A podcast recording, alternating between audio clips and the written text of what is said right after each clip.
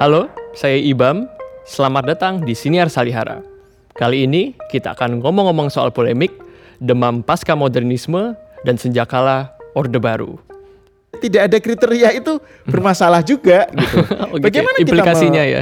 Ya, bagaimana betapapun kan sebuah karya itu untuk menentukan dia karya bagus atau enggak kan butuh satu a- harus ada gitu patokan gitu ya. Mm-mm. Eh, di soal penilaian ini jadi problematis. Oke. Orang takut menilai gitu. Takut karena dianggap wah kamu mewakili sebuah rezim kebenaran tertentu. Nah, Ya. dalam era posmo situasinya menjadi lebih lebih complicated ya. Ya. Karena ya tadi dengan tidak adanya ukuran tunggal untuk melihat sesuatu, kebenaran tunggal, maka semua orang merasa mereka lah pemegang kebenaran itu sendiri-sendiri. Oke. Di dalam konteks masyarakatnya, eh, komunitasnya, kebenarannya itu bahkan malah dianggap sebagai kebenaran utama. Teman-teman, dalam empat episode sebelumnya kita sudah membahas polemik itu biasanya bergulir di antara dua ideologi atau misalnya eh, dari dua kelompok atau lebih. Em, di episode terakhir kita sudah membahas perdebatan mengenai sastra kontekstual. Tokoh dari eh, perdebatan ini ada dua tokoh yaitu adalah eh, Arif Budiman dan Ariel Herianto. Dalam perbincangan tersebut, kita semacam menduga bahwa sastra kontekstual ini mungkin salah satu yang mengawali paham pasca modernisme di Indonesia di awal tahun 1990-an. Mohon maaf. Nah, benarkah demikian, teman-teman? Perdebatan tentang pasca modernisme muncul di Indonesia eh, di sekitar tahun 1993 sampai 1994. Namun situasi yang melatarinya itu nampaknya bisa kita lacak hingga kurang lebih di 1980-an. Terutama eh, pada tahun tersebut kita ingat eh, represi Orde Baru eh, itu membuat para seniman terutama di kalangan sastra, kalangan teater, tapi juga seni rupa eh, menempuh kerja-kerja kreatif yang bereaksi terhadap eh, situasi sosial politik pada saat itu. Ada banyak reaksi yang muncul akibat dari paham pasca modernisme ini. Ada yang mendukung misalnya, tapi juga pasti ada juga yang eh, menolak eh, dengan keras. Nah, lantas em, apa dan bagaimana sih sebenarnya pasca modernisme di Indonesia ini? Em, apa kaitannya pemikiran pasca modernisme tersebut dengan situasi sosial politik Orde Baru? Em, bersama saya telah hadir Ahmad Sahal. Ia merupakan seorang kurator dari Teater Utan Kayu dan Mas Ahmad Sahal ini juga eh, dulunya merupakan seorang em, redaktur dari satu jurnal kebudayaan bernama Jurnal Kebudayaan Kalam. Nah, jurnal ini teman-teman eh, merupakan salah satu yang eh, mungkin di awal-awal eh, perdebatan pasca modernisme kita masuk ketika masuk ke Indonesia itu banyak membahas. Mas Ahal kali ini akan menemani kita ngomong-ngomong soal eh, polemik pasca modernisme. Halo Mas Ahal, Halo Ibam, gimana kabarnya Mas? baik baik. Eh, udah lewat lah ini pandemi. Ya. lebih- Bisa Relax. ngobrol dan ketemu ya Mas ya. Ya. Nah Mas, eh, tadi aku sudah sedikit menyinggung eh, Mas Ahal ini kan eh, mungkin kalau nggak saya nggak salah itu ya hadir lah ya di tahun 1993, 1993, 1994 itu gitu, terutama dalam eh, apa namanya, terutama ketika pasca modernisme itu ya muncul dan dibahas oleh banyak orang. Nah, em, saya ingin eh, mengetahui itu sebenarnya gimana sih pasca modernisme ini bisa masuk ke Indonesia gitu. Dia di, dia itu diperdebatkan di mana? Misalnya ad- adakah media-media tertentu atau misalnya ada nggak sih pihak-pihak tertentu Mas yang ngebahas soal pasca modernisme ini, Mas? Oke, sebenarnya kebetulan juga pasca modernisme diseminarkan ya Hmm. dalam sebuah acara yang betul-betul seminar resmi itu di UKSW Universitas Kristen Satya Wacana tahun Mhm. 2003 tahun 93 sorry yang kemudian eh, menjadi bahan makalahnya itu menjadi bahan eh, kalam Eh, Oke. jurnal kalam edisi pertama di mana kebetulan saya bersama Nirwan Dewanto dan beberapa teman lain Mhm. menjadi redakturnya. Nah, peri- eh, yang inisiator seminar itu adalah eh, Mas Arief Budiman dan Mas Ariel Haryanto Oh. karena dia memang di UKSW kan. Mhm. Nah, tapi gini, sebenarnya kalau kita mau bahas soal pasca modernisme dan kenapa saat itu muncul polemik atau keramaian Mm-mm. diskusi gitu ya di di di media Indonesia di eh, sejumlah media di Indonesia dan di Mhm. ruang-ruang publik di Indonesia saat itu itu mungkin yang menarik tuh sebenarnya melacak eh, karakteristiknya dulu Oke. karakteristiknya dulu sebelum kita melihat apakah betul memang seperti yang Ibam bilang tadi eh, Arif Budiman Mhm. dan Ariel Herranto sebagai pencetus sastra kontekstual itu itu menjadi eh, awal dari pasca modernisme mereka meskipun mereka nggak menamakan demikian ya. ya, ya, ya. Pasca modernisme itu kan sebenarnya sebuah tren eh, dalam bahasa Inggrisnya kan postmodernism ya Mhm. Itu sebuah tren yang sebenarnya muncul di berbagai bidang. Ya, Oke. ada filsafat, ada arsitektur, ada seni rupa dan memang di seminar di UKSW Hmm. yang kemudian menjadi sebagian bahan dari jurnal Kalam edisi pertama tahun 94 itu adalah Ya, ya. melihat postmodernisme dalam eh, berbagai disiplin ya, berbagai eh, area gitu. Ya, ya, ya. Jadi Hmm. sastra, seni rupa, arsitektur dan juga filsafat ya dan konteks sosial politiknya gitu. Hmm. Nah kalau kita lihat sebenarnya tren yang saat itu muncul tahun 90-an di lanskap dunia eh, akademis internasional ya. Mhm. Memang kan ada semacam kecenderungan ah, mungkin ini ciri-ciri aja ya dari dari yang kita sebut sebagai pas- postmodernism itu seperti apa gitu. Pertama yang paling terkenal itu adalah dan ini memang menjadi salah satu tanda kutip nabi Hmm. postmodernisme saat itu itu ungkapan dari François Lyotard ya Oke. eh, pemikir filosof Prancis Mhm. Eh, dia nulis buku The Postmodern Condition yang kemudian itu bahasa bahasa terjemahan bahasa Inggrisnya ya. Ya, ya. Eh, Mhm. Nah, salah satu poin dari Lyotard adalah bahwa postmodernisme itu adalah sebuah istilah dia itu dalam bahasa Inggris itu incredulity towards metanarratives. Jadi sebuah Mhm. keemohan, keengganan udah fed up gitu ya, capek gitu dengan metanarasi.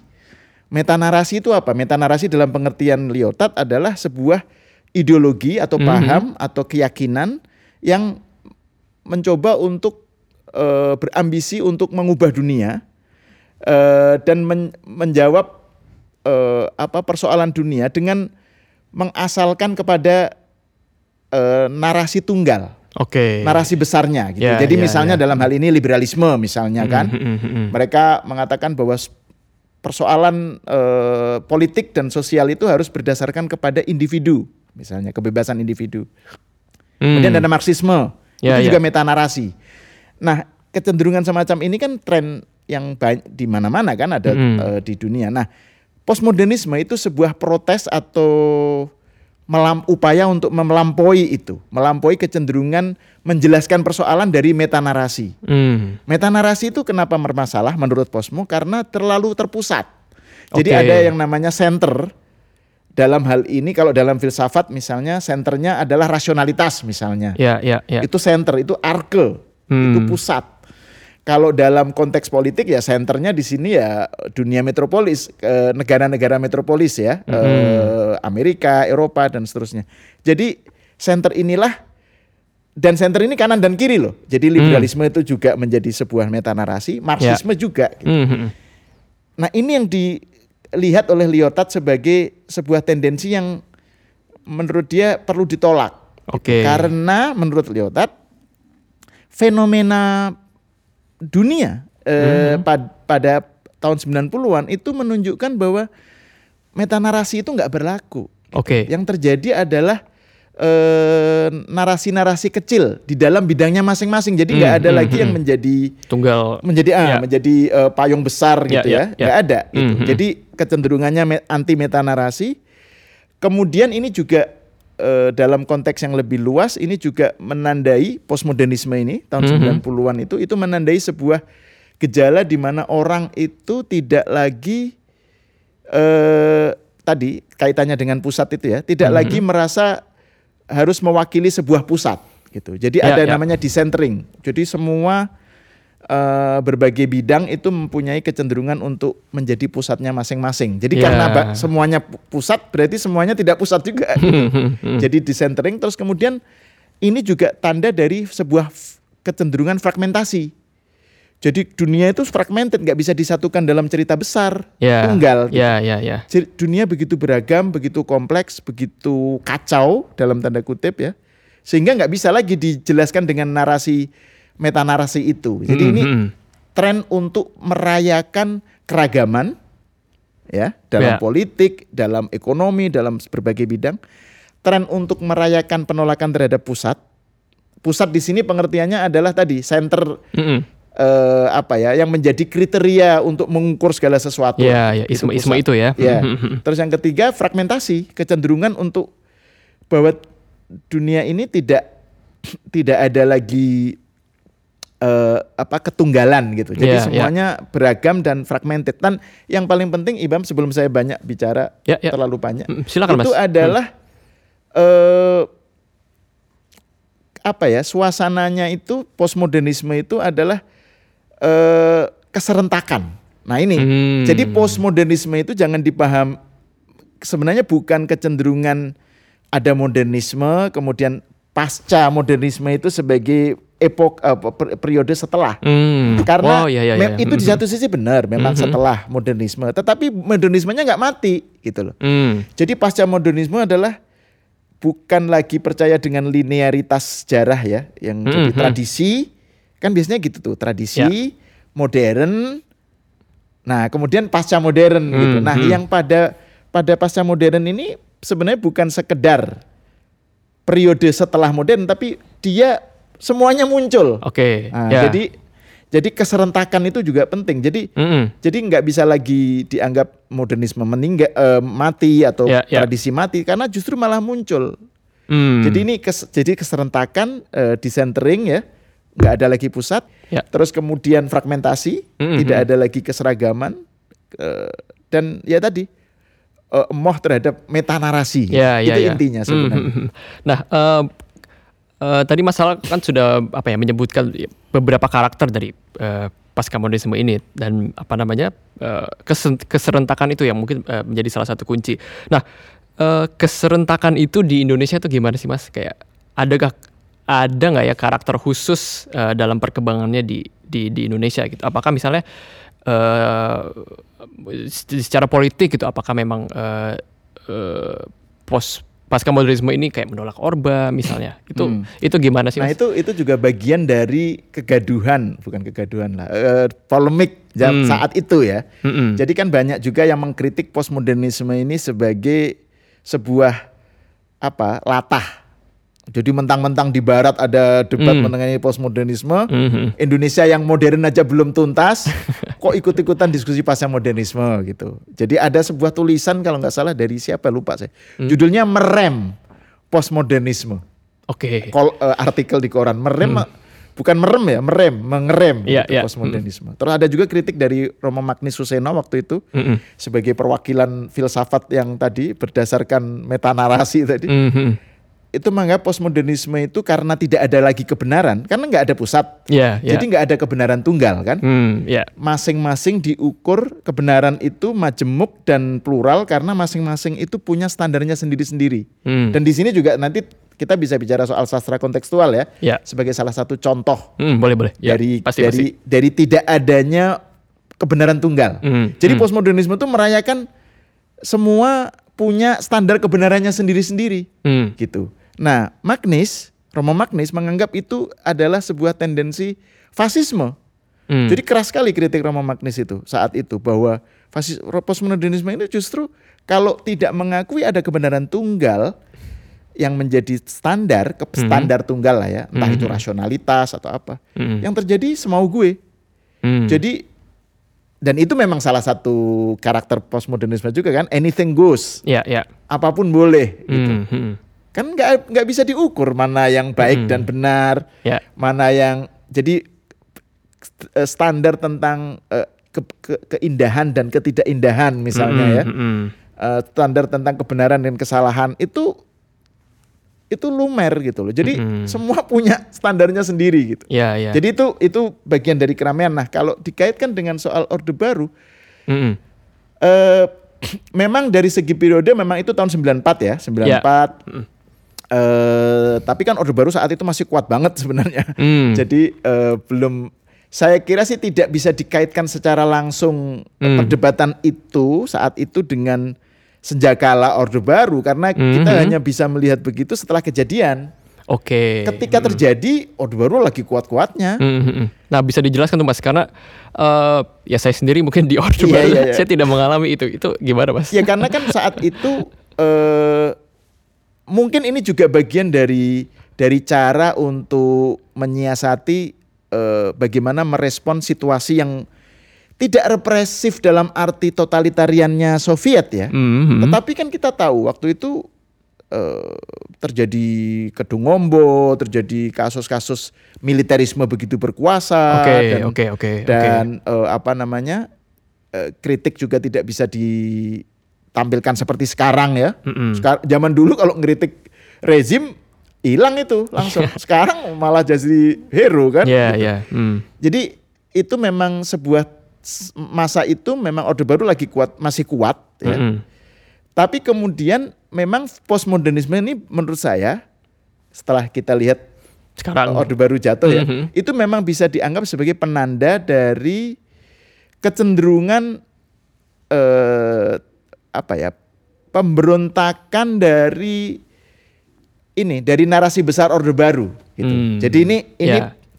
pe- pemberontakannya gimana? Pemberontakannya dalam berbagai seni, Ya, eh, ya. seni rupa, Hmm, dalam hmm. berbagai s- u- eh, eh, ini ya kesenian, kemudian dalam cara melihat kenyataan karena tidak lagi ada pusat, maka kemudian orang merasa ada semacam upaya pemberdayaan dari satuan-satuan kecilnya itu. Mm-mm, mm-mm. Nah ini ini eh, apa pada gilirannya akan membuat kecengkeraman pusat itu eh, melemah. Mm-mm, mm-mm, mm-mm.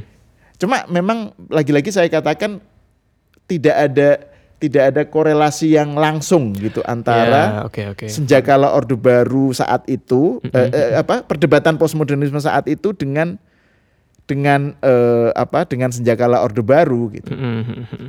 Tapi bukan berarti nggak ada gitu. Mm-mm, mm-mm. Dia tetap apa menjadi apa ya mungkin bagian Maksud saya gini, jadi uh, postmodernisme itu bukan gerakan untuk menumbangkan orde baru Hmm, gitu. Oke oke. Tetapi itu itu adalah sebuah tren Mm-mm. yang menandai makin kroposnya Mm.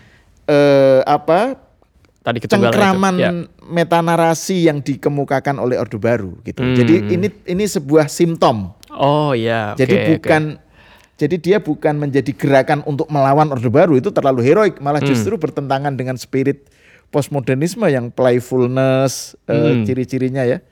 Jadi jadi itu eh, sebagai anu aja eh, dia memotret simptom. Ya, ya, ya. Hmm. Nah, eh, Mas Al, tadi Mas Sahal menyebutkan bahwa salah satu kritik atau pandangan utama eh, dari pasca modernisme itu kan em, kebenaran tunggal itu hilang gitu dan bahkan tadi eh, Mas menyebutkan bahwa em, apa ya gejala ini perlu perlu direm gitu ya Mas. Hmm. Eh, kalau dalam episode-episode sebelumnya, kit- kalau kita ngebahas eh, katakanlah polemik gitu kan pasti akan dia pasti selalu bertenggangan dari eh, dari dal- dalam dua kubu gitu mas. Ada yang misalnya eh, menjadi pendukung, tapi ada juga yang bisa eh, menjadi penentangnya gitu. Nah kalau dalam pasca modernisme ini, terutama di Indonesia, itu siapa mas? Katakanlah aktor-aktornya, gitu, baik pendukung maupun penentang. Saya ingin bicara dalam konteks global dulu ya Hmm, hmm. tentang pendukung dan penentang ini. Ya boleh mas. Kan tadi saya bilang penduk postmodernisme itu kan karakternya itu karakteristiknya ya itu kan eh, melawan eh, seperti yang Ibam bilang eh, tidak ada kebenaran tunggal, Hmm. menolak penunggalan kebenaran lah, Ya ya. merayakan kebenaran eh, dengan standarnya sendiri-sendiri. Yang kedua eh, anti pemusatan. Jadi ka- karena tidak ada kebenaran tunggal maka tidak ada lagi dikotomi center dan periferi Hmm, gitu ya. hmm, hmm. Karena semuanya center disentering kan, Ya, semuanya ya. center tapi pada saat yang sama semuanya juga tidak center gitu. Hmm, Terus kemudian yang ketiga tadi soal fragmentasi, soal playfulness dan seterusnya. Nah, para penentang dari eh, tren semacam ini Mhm. eh, itu kalau gambar besarnya adalah ya pendukung eh, ideologi liberalisme gitu ya, pasar bebas Hmm. atau pokoknya yang eh, pendukung inilah pendukung apa ya, pendukung modernisasi lah gitu ya modernisasi ya. waktu itu dalam istilah sosiologinya itu disebut modernisasi jadi masyarakat kalau mau maju itu dia harus melampaui tradisi Hmm. dia harus meninggalkan tradisi tradisi itu identik dengan irasionalitas dengan Hmm. superstition Ya, dengan oh, apa itu kan tradisi Hmm, hmm. Nah, kalau mau maju harus modern. Nah, ini ini Oke. salah satunya yang menjadi eh, titik tolak dari pendukung liberalisme. Hmm. Kaum kiri juga, kaum kiri juga menganggap bahwa untuk maju itu eh, harus meninggalkan tradisi, kemudian menjadi modern. Nah, tapi modernnya jangan jangan berdasarkan individualisme, tapi kolektivisme. Ya, oke. Sama-sama dua-duanya sama-sama modernis Hmm. dalam arti itu ya. Dan itu tren yang masih kuat saat itu. Jadi para pen, ini ini mereka inilah yang menentang eh, atau menganggap eh, postmodernisme ini sebuah hal yang nggak perlu ditanggapi serius. gitu. Hmm, hmm, hmm. Nah sementara kalau dalam pendukungnya, dalam kubu pendukungnya itu kalau dalam filsafat ya, misalnya kita ada nyebut nama Derrida, Hmm. Jacques Derrida, ada François Lyotard, ada Michel Foucault, Oke. ya, Hmm. eh, kemudian ada Jean Baudrillard, ya. Ini memang kebanyakan Prancis. Nah ini Hmm. juga sebuah Wah, jadi kecenderungan menarik. tuh. postmodernisme sebagai sebuah apa? Apakah ini hanya fashion Hmm. eh, yang dimotori oleh para pemikir Prancis gitu Ya, ya, ya, ya. atau memang sebuah eh, kecenderungan yang lebih besar dari itu. Nah, Hmm. memang pem- para pendukungnya itu rata-rata menganggap bahwa metanarasi udah selesai lah gitu. Hmm. Yang eh, itu dari berbagai sudut ya, eh, melalui Foucault melalui analisis terhadap eh, sosial politik ya, Mhm. eh, tentang ke- kekuasaan gitu ya. Terus Derrida tentang Oke. bahasa dan filsafat, Lyotard tentang tren yang tadi postmodern condition dan Hmm. seterusnya gitu. Nah, kalau dalam konteks Indonesia itu tadi saya bicara tentang konteks globalnya Ya, ya. global. Hmm. Kalau konteks Indonesia memang agak sulit untuk menyebut sebagai penentang dan pendukung dalam seperti misalnya di polemik kebudayaan atau ya. sastra Hmm. kontekstual ya karena Hmm, hmm.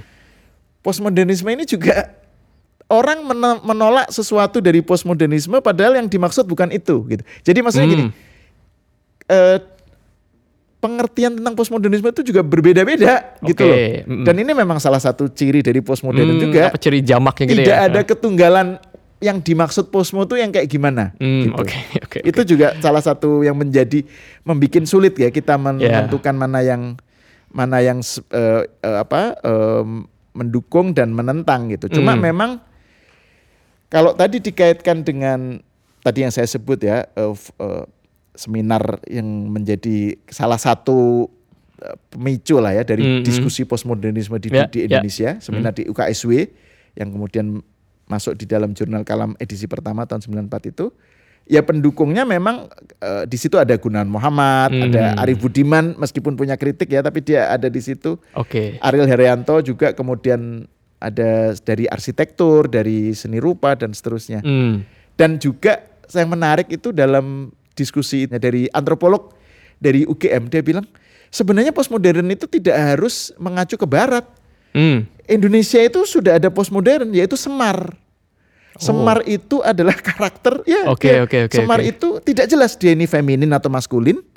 Tidak jelas eh, dia ini eh, apa punokawan tapi juga dia adalah eh, orang yang sosok yang justru menjadi eh, apa eh, panutan gitu ya Mhm. dan seterusnya. Jadi dia ini eh, tidak jelas anunya eh, identitasnya. Nah Ya, ini ya, ya. juga salah satu ciri postmodern postmodernisme. Hmm, hmm, hmm, Ketidakjelasan identitas tidak harus ada identitas tunggal. Hmm, ya, ya, ya. Hmm. Karena identitas itu juga upaya mendefinisikan kan. Ya, ya. Hmm, hmm. Itu juga sesuatu yang dianggap eh, apa eh, berpusat pada narasi besar tadi. gitu. Hmm, hmm. Nah, Ja- jadi se- jadi ini contoh bagaimana dengan cara begitu maka eh, penentang juga yang dia maksud dengan postmodernisme bukan itu gitu. Hmm, ya ya. Nah di antara tadi ya apa banyaknya sikap dan reaksi terhadap terhadap posmo pas, eh, pos- postmodernisme ini sendiri, Mas Sahal sendiri gimana menyikapi pos? Ya saya kebetulan saat itu kan memang juga mendalami eh, apa pemikir-pemikir Prancis ya Oke, eh, di STF ya di STF Dirgantara itu Mhm. nggak terlalu laku saat itu postmodernisme Oh, gitu. ya karena Di mereka tahun-tahun kan itu. lebih Ah. Banyak mengkritik modernisme modernitas dari pendekatan eh, kalau dalam istilah filsafat itu sekolah Frankfurt mazhab Frankfurt Ya, oke oke. jadi ini ini memang kaitannya dengan perdebatan filsafat juga agak agak complicated ini gitu. Mhm. Jadi eh, saya mendalami sejumlah tulisan-tulisan di eh, apa di berbagai jurnal, di buku-buku baru gitu ya Mhm. tentang Lyotard, Derrida dan seterusnya. Jadi saya memang merasa bahwa ini sesuatu yang justru agenda menarik pasca eh, sekolah Frankfurt dalam kaitannya dengan kritik terhadap modernitas. Hmm, Kan yang oke. saya cari saat itu eh, sebuah pandangan yang mengkritik modernitas. Hmm. Ya, nah, ya, ya. Frankfurt School itu kan tradisi ma- neo-Marxis di Eropa, di Jerman terutama ya pasca ya. saat penjela, eh, pasca Naz- eh, pasca Perang Dunia Pertama lah ya. Yang melihat modernitas ini bermasalah Hmm, oke. karena mereka merasa bahwa gini, modernitas itu kan menjanjikan emansipasi, pem- apa Ya. mem- mem- memerdekakan manusia, Mhm. membuat manusia free, me- menjadi bebas Ya. itu salah satu salah satu eh, apa ya eh, ciri Karakter, dari ya. modernitas. Mm. Dengan cara apa? Dengan cara berpikir rasional. Hmm. Jadi eh, apa sapere aude itu loh. Jadi beranilah berpikir sendiri. Oke, itu, itu, ya. itu ciri dari modernitas itu. Hmm, hmm. Jadi orang harus merdeka. Oh, orang ah, merdeka kalau dia memakai rasionalitasnya sendiri. Ya. Nah, menurut Frankfurt School, Perang Dunia Pertama dan muncul Nazisme itu contoh bahwa janji modernisasi, modernisme itu nggak terpenuhi. Hmm. Yang muncul justru penderitaan, perang, kemudian eh, orang menjadi tidak bebas, ada ada represi, Iya, represi, otoritarianisme iya. dan seterusnya. Mhm. Jadi janji itu bullshit gitu. Oke. Jadi ke Frankfurt School mengkritik itu. Cuma Frankfurt School masih percaya bahwa janji itu bisa dipenuhi. Ya. Cuma implik implementasinya yang salah gitu. Hmm. Nah, postmodernisme itu mungkin juga zamannya ya. Zaman itu kan tahun tu- 40-an, 50-an masih percaya dengan pentingnya tadi janji emansipasi itu, Ya, ya, ya. Memerdekakan manusia Hmm, gitu loh. hmm, hmm. Membik- Itu emansipasi pengertiannya. Postmodernisme itu tahun 90-an ada budaya massa, ada dunia sudah berubah Mm-mm. eh, sedemikian rupa ya. Hmm, hmm, hmm. Itu eh, janji-janji semacam itu tuh menjadi salah satu cerita saja. Oke. Jadi dia hanya menjadi satu narasi dari sekian banyak narasi Hmm, hmm. yang ditawarkan oleh eh, karya kreatif maupun karya filsafat dan seterusnya. Oke, oke. Jadi tidak lagi menjadi narasi tunggal yang tadi saya sebut meta narasi itu. Janji Hmm. itu nggak lagi menjadi narasi tunggal. Yang ada apa? Ya sudah kita nikmati aja, Eh, kita rayakan aja ini perbedaan. eh, Hmm. tadi tidak adanya pusat, tidak adanya kebenaran tunggal dan seterusnya. Playfulness Ya, ya. simultaneity, kemudian eh, perbeda apa eh, kompleks eh, difference ya perbedaan Hmm, hmm, dan hmm. seterusnya. Gitu. Jadi ini ini sebuah tren yang memang apa eh, menarik bagi saya karena di, ini adalah cara baru untuk mengkritik modernitas gitu. Oke, oke. Hmm. Nah, em, kalau misalnya kita membicarakan katakanlah di lans di bentang kesenian atau eh, bentang kekaryaan, Hmm. em, ada nggak sih mas em, atau bagaimana masalah melihat eh, karya-karya yang membawa sifat-sifat itu gitu Dalam Memba- konteks Indonesia. dalam konteks Indonesia misalnya Em, em, mungkin kita tidak perlu melabelinya sebagai katakanlah eh, karya pasca modernis Hmm, hmm. tapi membawa sifat-sifat eh, apa playfulness misalnya em, atau Tidak ada Iya, pusat tidak ada gitu pusat ya. segala macam. Saya, saya keingat misalnya di 80-an kan kalau misalnya di seni rupa itu misalnya ada performance art misalnya Ya. Kerja-kerja yang agak bersinggungan dengan aktivisme sosial dan Hmm. politik juga gitu. Nah, eh, Mas Hal melihat itu gak? Ada nggak sih? Iya kalau Hmm. sebenarnya ya itu eh, kita memang eh, harus harus menjauh ya dari upaya melebeli ya Hmm, hmm. pelabelan. Tetapi karakteristik itu bisa kita lihat sebenarnya. Ya, gejala. gejala ya, Hmm. dalam dalam tren yang bahkan sebelum diskusi eh, polemik tentang postmodernisme itu terjadi di Indonesia gitu ya. Hmm. Kalau kita lihat misalnya eh, aku mulai dulu dari ini deh. Tadi kan kamu nyebut soal Sastra eh, kontekstual. Sastra kontekstual Oke, gitu ya. Hmm. Kalau kita lihat sastra kontekstual itu kan setidaknya dalam definisi yang dikatakan oleh Ariel Haryanto itu kan menyatakan bahwa pengertian konteks jadi setiap sastra itu sastra itu harus terikat atau dia merupakan refleksi representasi dari konteks sosial politik eh, budaya di mana mas di mana oh, eh, di mana sastra itu muncul Ya, ya. Mm. dengan begitu karena konteks itu beragam ya jadi maka sastra itu dengan sendirinya ti- jangan dipakai ukuran tunggal untuk Hmm. menilai mana sastra yang paling adiluhung Oke, ya, ya. ya. mana yang disebut paling sastra gitu karena semuanya berdasarkan konteks dan konteks itu nggak bisa diperbandingkan kita nggak bisa menilai satu konteks budaya tertentu dengan ukuran konteks lain Oke, Gitu. ya, ya, ya, ya, ya. jadi akhirnya banyak konteks dan karena itu banyak sastra Mhm. dan karena itu tidak ada lagi kebenaran tunggal Mhm. ya tidak ada lagi ini yang paling sastra ini nggak sastra ini ini Ya. hanya apa karya jelek atau apa. Nah, sastra kontekstual kalau dipahami seperti itu, ya itu bagian dari dari kecenderungan postmodernisme sebenarnya Ya. gitu. Setidaknya setidaknya itu salah satu tanda ya tadi eh, disentering, tidak ya. adanya pusat dan seterusnya. Terus kemudian ada lagi kalau kita lihat karya-karya dan ini justru malah terjadi tahun 70-an atau 80-an ya. Mhm. Karya-karya Putu Wijaya. Nah, ini ini Oke. menarik, ini contoh menarik. Ah, gimana Saya Mas? membatasi pada sastra ya. Oke, oke. Mhm. Ya Putu Wijaya itu kan karya-karyanya kan dia memakai istilahnya dia nyebut dirinya itu teror mental. Jadi Teror karya mental. sastranya itu teror mental. Oke. gitu. Jadi membuat pembaca itu apa? Apa, eh, shock? shock gitu. Nah, eh, Putu itu kalau kita, kalau kita lihat ya karya-karyanya itu kan pertama tidak mendedahkan, tidak membawa sebuah komitmen sosial ya. Oh, membebaskan eh, ketertindasan dan Hmm. seterusnya tidak heroik lah. Oke, Nggak oke. seperti misalnya Pramudia Anantatur gitu misalnya.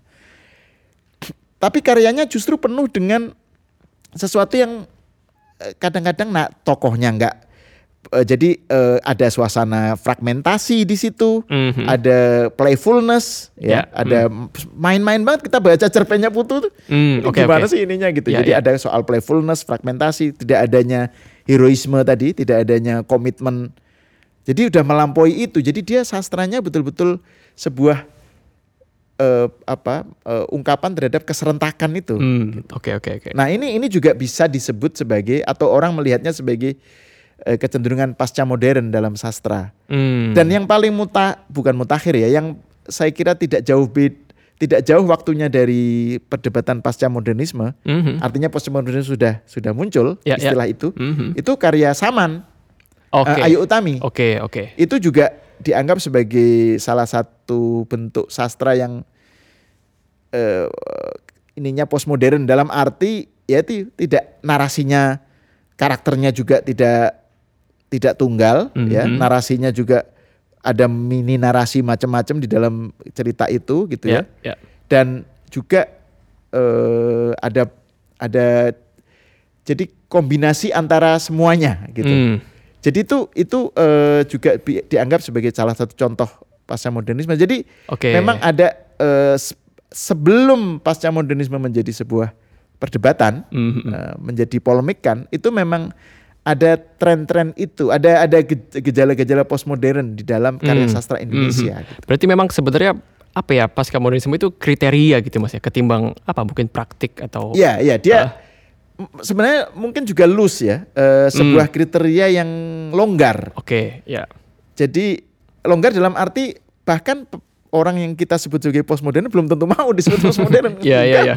nggak ada urusan dengan postmodern gitu misalnya. oke Jadi tetapi kan sebenarnya yang ingin dikatakan dari postmodernisme yang ki- bisa kita tangkap dari polemik postmodernisme adalah bahwa ini sebuah kesaksian tentang gejala baru Hmm. di dalam lanskap sas, eh, kesenian, politik, sosial, budaya di Indonesia Mhm. maupun di dunia luar tadi Hmm, gitu. hmm. Jadi karena ini kesaksian eh, sebuah eh, apa testimoni terhadap eh, terhadap fenomena baru tadi keserentakan, fragmentasi, tidak Ya, ya. adanya pusat, tidak ada kebenaran tunggal, maka kemudian dia juga manifestasinya nggak tunggal. Hmm. gitu. Oke, Jadi oke. bisa beragam gitu. Hmm, Termasuk tadi orang-orang yang atau kelompok yang kita anggap sebenarnya punya karakter posmo gitu ya. Mhm. Eh, se- pada masa di mana postmodernisme itu belum menjadi Belum. istilah di Iya. Indonesia. Gitu. Iya, iya.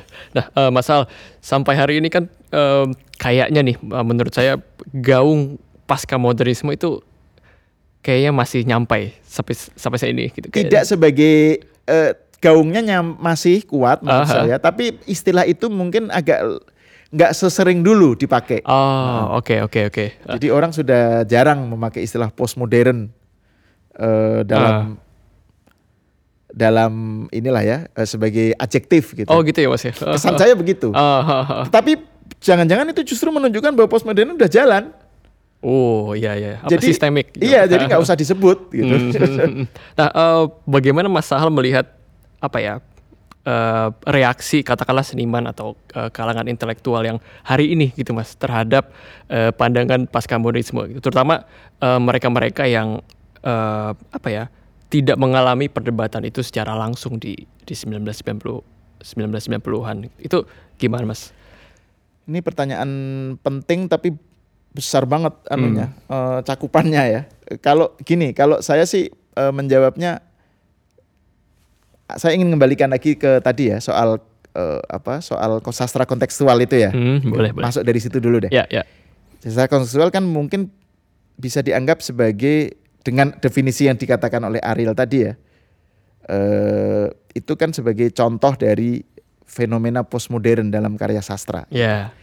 Nah, sebenarnya kelanjutannya dalam istilah akademis itu sebenarnya punya punya ke- apa kedekatan atau eh, apa persambungan dengan yang sekarang disebut sebagai cultural studies. Oke. Cultural oke. studies itu juga sebuah tren yang pertama eh, menolak eh, adanya kanon dalam sastra, dalam Hmm. kesenian, Hmm. gitu ya.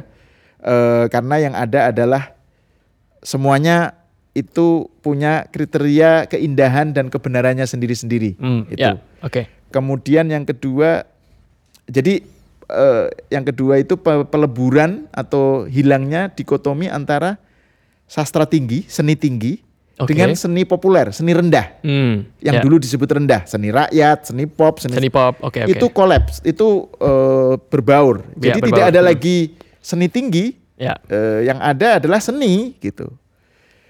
Nah kemudian, nah itu juga bagian dari dari fenomena postmodernisme sebenarnya ya. Hmm, Kalau hmm. kita lihat dengan kacamata, eh, maksudnya tidak pakai label lah gitu ya. Ya, ya, ya. Nah problemnya memang dengan cultural studies atau sastra kontekstual itu memang Mhm. kemudian ya ke- eh, ini dan ini memang problem yang yang masing-masing punya pendukungnya ya. Ya tidak ada kriteria itu bermasalah juga gitu. Oh, gitu ya. Bagaimana kita implikasinya me- ya? Ya, bagaimana betapapun kan sebuah karya itu untuk menentukan dia karya bagus atau enggak kan Butuh satu a- harus ada gitu patokan gitu ya. Mm-mm. Entah itu tentang keindahan definisinya bagaimana, tentang Mm-mm. sastra bagaimana. Nah, karena tidak ada patokan, karena semuanya benar gitu ya, maka jadi sulit gitu untuk me- menilai. Jadi Hmm. soal penilaian ini jadi problematis. Oke. Orang takut menilai gitu.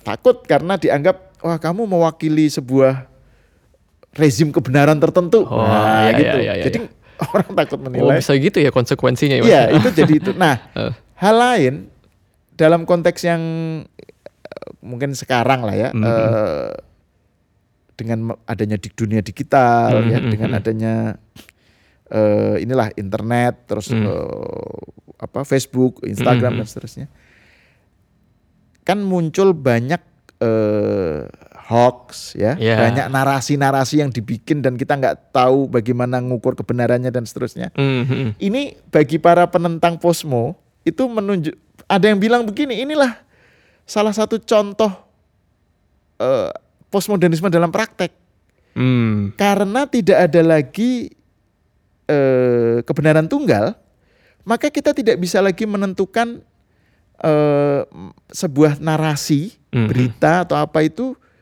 eh, sebagai sesuatu yang perlu dinilai berdasarkan kebenaran tertentu atau enggak. Hmm. Saya bicara mengenai post truth. Oke, pasca Ya, kebenaran Jadi ya, ini ya. ini Hmm. eh, orang mengaitkan post truth sebagai salah satu dampak jelek gitu ya Hmm. dari dari postmodernisme. posmo. Oke. Hmm. Karena apa? Post truth itu kan berarti ya kan nggak ada rasionalitas lagi sebagai tolok ukur kan. Ya, ya, ya. Jadi orang punya eh, realitas dan eh, realitas alternatif. Hmm. Jadi yang ada bukan benar dan salah, tetapi realitas dan realitas alternatif. Ya. Jadi ya, ada ya, ya. banyak realitas. Oke, ya, ya, ya. Orang bicara tentang multiverse, tentang Hmm. apa macam Multiverse, Itu ya, co- ya. satu contoh ya. Ya, Jadi ya, ya. kalau tidak kalau realitas itu nggak disepa- nggak ada kesepakatan tentang Mhm. apa itu realitas, apa itu kebenaran, maka ya yang terjadi ya post truth ini. Hmm. Jadi eh, orang percaya dengan apa yang ingin dipercaya. Hmm, ya, ya, ya. Wah, berarti bener dong Mas, posmo masih seksi sampai sekarang. Iya iya, tetapi ini sebenarnya jadi mas jadi teringat dengan dengan kritik eh apa namanya Romo Magnis Hmm, waktu oke, itu yang ya. bilang bahwa kalau tidak ada kebenaran maka jadi fasis. Ya. Nah mungkin yang dimaksud Magnis kalau kita lihat sampai sekarang itu kekhawatiran munculnya post truth semacam ini. Hmm. Jadi karena post truth itu kan menunjukkan bahwa orang tidak bisa lagi berpegang kepada kebenaran. Hmm. Bukan kebenaran tunggal, kebenaran itu sendiri Oke. apa itu gitu. Ya, ya. Realitas itu apa gitu. Nah, ini eh, dis kenapa fasis? Karena masing-masing itu kemudian menjadi eh, ibarat kalau dalam ininya terminologinya Leibniz ya, Mhm. filosof Leibniz itu Ya. monad. Jadi masing-masing itu menjadi monad eh, monad itu apa ya? Satuan-satuan kecil Hmm. yang beragam dan masing-masing punya kriterianya sendiri-sendiri. Oke. Jadi nggak ada lagi. Jadi itu eh, apa? Betul-betul frak, apa? Pluralisme dalam artinya yang paling ekstrim ya. Sehingga kita nggak bisa lagi berbicara sebenarnya karena Hmm. masing-masing punya realitasnya sendiri-sendiri. Hmm, Dan ya. ini yang terjadi misalnya dalam konteks politik kita lihat ada polarisasi. Ya, ya, ya. Segregasi. Iya polarisasi itu kan nggak hanya di Indonesia kan di Hmm. Amerika sendiri kan atau di Barat kan muncul juga polarisasi Ya, ya, dan ya. ini salah satu dampak dari adanya fenomena post truth tadi gitu. Hmm. Nah ini ini ini eh, sisi katakan aja sisi sisi buram ya. dari tren eh, apa ti- kalau kebenaran itu Hmm. rasionalitas itu di, ditanggalkan Oke. gitu. Ya. Jadi jadi kita kembali ke sebuah apa eh, nggak tahu eh, apakah ini anarki atau chaos yang di mana jadi everything goes, anything goes Ya, anything apa pun goes. boleh Ya. gitu Hmm. atau bagaimana. Tapi ini menurut saya ya bagian dari dari eh, apa? Dari sebuah gejala yang tidak bisa men- dianggap sebagai sebagai eh, apa? mencerminkan keseluruhan. Oke. Ya. Ini oke lah ada post truth, ada apa yang khawatiran yang disebut magnis tapi tapi kan dalam skala yang lebih luas postmodernisme itu eh, ra- eh, layak mendapatkan apresiasi gitu loh karena dia sebuah dia mencerminkan sebuah kesadaran tentang tadi keragaman Hmm. Ya. tentang eh, tidak adanya lagi pusat dan seterusnya. Jadi itu Oke. ada unsur pembebasannya di situ. Oke, ya, ya.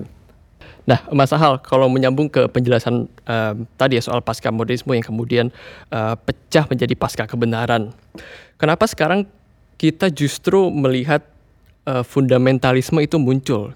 Bagaimana pandangan Mas Ahal terhadap ini? Ya sebenarnya yang eh, Ibam sebut tentang fundamentalisme ini kan bagian dari kecenderungan yang lebih luas yaitu soal munculnya politik identitas ya. Hmm. Jadi eh, identitas di sini pengertiannya bukan hanya agama, bukan hanya ras, tetapi juga sebuah apa ya eh, afiliasi yang sifatnya itu eh, emosi. Hmm. Ya, jadi afiliasi atau keterikatan dengan sebuah simbol atau sebuah kebenaran tertentu, tapi basisnya itu emosi, Oke. eh, bukan rasionalitas gitu. Nah ini yang muncul kan, eh, apa dalam tren yang lebih luas, bukan hanya Indonesia ya. Hmm. Jadi, nah memang ini bagian dari situasi postmodern saat ini ya. Hmm. Kenapa disebut postmodern? Karena pada situasi modern itu persoalannya lebih jelas. Hmm. Eh, gambarnya lebih jelas karena apa? Karena ada tolok ukur Oke, tunggal pegangan yaitu ya. rasionalitas. Hmm. Rasionalitas itu kalau dalam ilmu pengetahuan itu dalam bentuk sains, ya. Kalau dalam politik munculnya demokrasi Oke, misalnya. oke. Kemudian dalam seni mungkin ada seni otonom Ya, dan ya. seterusnya ya. Pokoknya ada tolok ukur namanya rasionalitas. Modernitas dengan rasionalitas ini yang kemudian inilah yang dibedakan dari tradisi. Hmm. Kalau tradisi itu basisnya masyarakat tradisional di mana pun itu basisnya adalah cerita-cerita yang tidak bisa diverifikasi, Ya. mitos, tahayul atau keyakinan agama saat itu ya. Keyakinan agama bagian dari situ gitu, Ya, ya. karena kan nggak bisa diverifikasi. Nah, jadi modernitas lebih jelas Hmm. eh, tolok ukurnya. Nah, Ya. dalam era posmo, nah ini situasinya menjadi lebih lebih complicated ya, Ya. karena ya tadi dengan tidak adanya ukuran tunggal untuk melihat sesuatu kebenaran tunggal, maka semua orang merasa mereka lah pemegang kebenaran itu sendiri-sendiri. gitu Oke. di dalam konteks masyarakatnya, eh, komunitasnya, kebenarannya itu bahkan malah dianggap sebagai kebenaran utama. Hmm. Jadi misalnya kayak fundamentalisme itu kan percaya bahwa rasionalitas itu adalah sekuler, Ya. sesuatu yang tidak yang anti agama lah gitu ya. Eh, sementara kalau fundamentalisme itu basisnya adalah keyakinan agama Hmm. sebagai entah itu obsesi membuat khilafah kalau dalam politik atau membuat negara eh, syariah dan seterusnya. Tapi kan Ya. mereka percaya dengan kebenaran abadi. Ya, ya. Nah, tapi kebenaran abadi itu kan versi mereka. Hmm. Masyarakat lain, eh, komunitas lain punya kebenaran abadinya sendiri-sendiri gitu. De- dan masing-masing eh, tidak bisa dinilai lagi Hmm, gitu. hmm, hmm. Jadi ini memang eh, relat apakah ini bagian dari relativisme? Nah, ini juga bagian dari ini Ibam dari Hmm. eh, perdebatan dalam moderni postmodernisme ya. Hmm, hmm, hmm. Kalau tidak ada kebenaran tunggal, terus yang ada relativisme dong. Oke. Ya, ya, ya. semuanya benar Hmm, dan hmm, semuanya juga ya apa eh, punya ukurannya Hmm, sendiri-sendiri gitu. hmm, hmm. Apakah ini yang yang akan terjadi gitu. Nah ini eh, sa- saya kira ini kalangan pendukung postmodernisme punya agenda berarti untuk menyelesaikan, mentackle isu ini secara secara filsafat, secara apa gitu ya, dengan adanya kira-kira gitulah, dengan tidak adanya kebenaran tunggal, apakah relativisme yang muncul kemudian relativisme gitu. Hmm. dan relativisme itu kalau dalam konteks politik ya tadi munculnya politik identitas, Ya. fundamentalisme, Hmm. terus ya itulah eh, apa pengelompokan berdasarkan emosi ya, eh, ya, ya. bukan berdasarkan rasio. rasio ya. gitu. Hmm. Nah ini ini eh, ya saya nggak tahu ini mungkin kita bisa mengatakan bagian dari gejala postmodernisme. Hmm, hmm. Eh, jadi ada post truth di dalam konteks digital ya, Ya, yang ya. tadi itu Hmm. eh, apa semuanya merasa versinya yang paling Hmm. benar Ya, gitu. ya. realitas alternatif Dan tadi. kalau Hmm. dikritik pun, maka lah itu kan realit kritikanmu itu kan berpatokan pada realitasmu. Ya. Realitas saya lain Uh, gitu. oh, jadi ada- itu relativisme itu ya. Nah itu makanya. Jadi ini eh, sebuah tantangan menurut saya. Hmm. eh, seberapa jauh kebenaran majemuk Ya. perayaan eh, apa keragaman kebenaran ini bisa kita terima gitu dalam konteks ketika eh, ada ancaman relativisme itu. Gitu. Hmm. Relativisme itu kan peng- dengan demikian kita nggak bisa lagi menilai kan Hmm. dan tidak lagi bisa bersikap juga gitu. Ah, baik teman-teman, saya ingin mengutip pernyataan dari Mas Hal tadi. Seberapa jauh perayaan keragaman ini bisa kita terima ketika ancaman relativisme justru semakin dekat? Nah, bagaimana tanggapan teman-teman terhadap ini? Demikianlah obrolan saya dengan Mas Ahmad Sahal tentang demam pasca modernisme dan senjakala Orde Baru. Nah, eh, teman-teman, bagi yang ingin mengetahui lebih lanjut diskusi tentang pasca modernisme ini, kami telah menyediakan tautan uh, untuk membaca Jurnal Kebudayaan Kalam yang edisi pertama, sebagaimana tadi disampaikan Mas Sahal, uh, yang secara khusus membahas topik tersebut. Silakan uh, teman-teman untuk uh, memeriksa bagian deskripsi untuk mengakses tautannya. Bagi teman-teman yang sedang mendengarkan melalui Spotify, Apple Music, atau uh, platform digital lainnya, teman-teman juga bisa nonton video lengkapnya di akun YouTube Komunitas Salihara dan dengarkan juga episode-episode lain di Siniar Salihara berdasarkan platform pilihan teman-teman.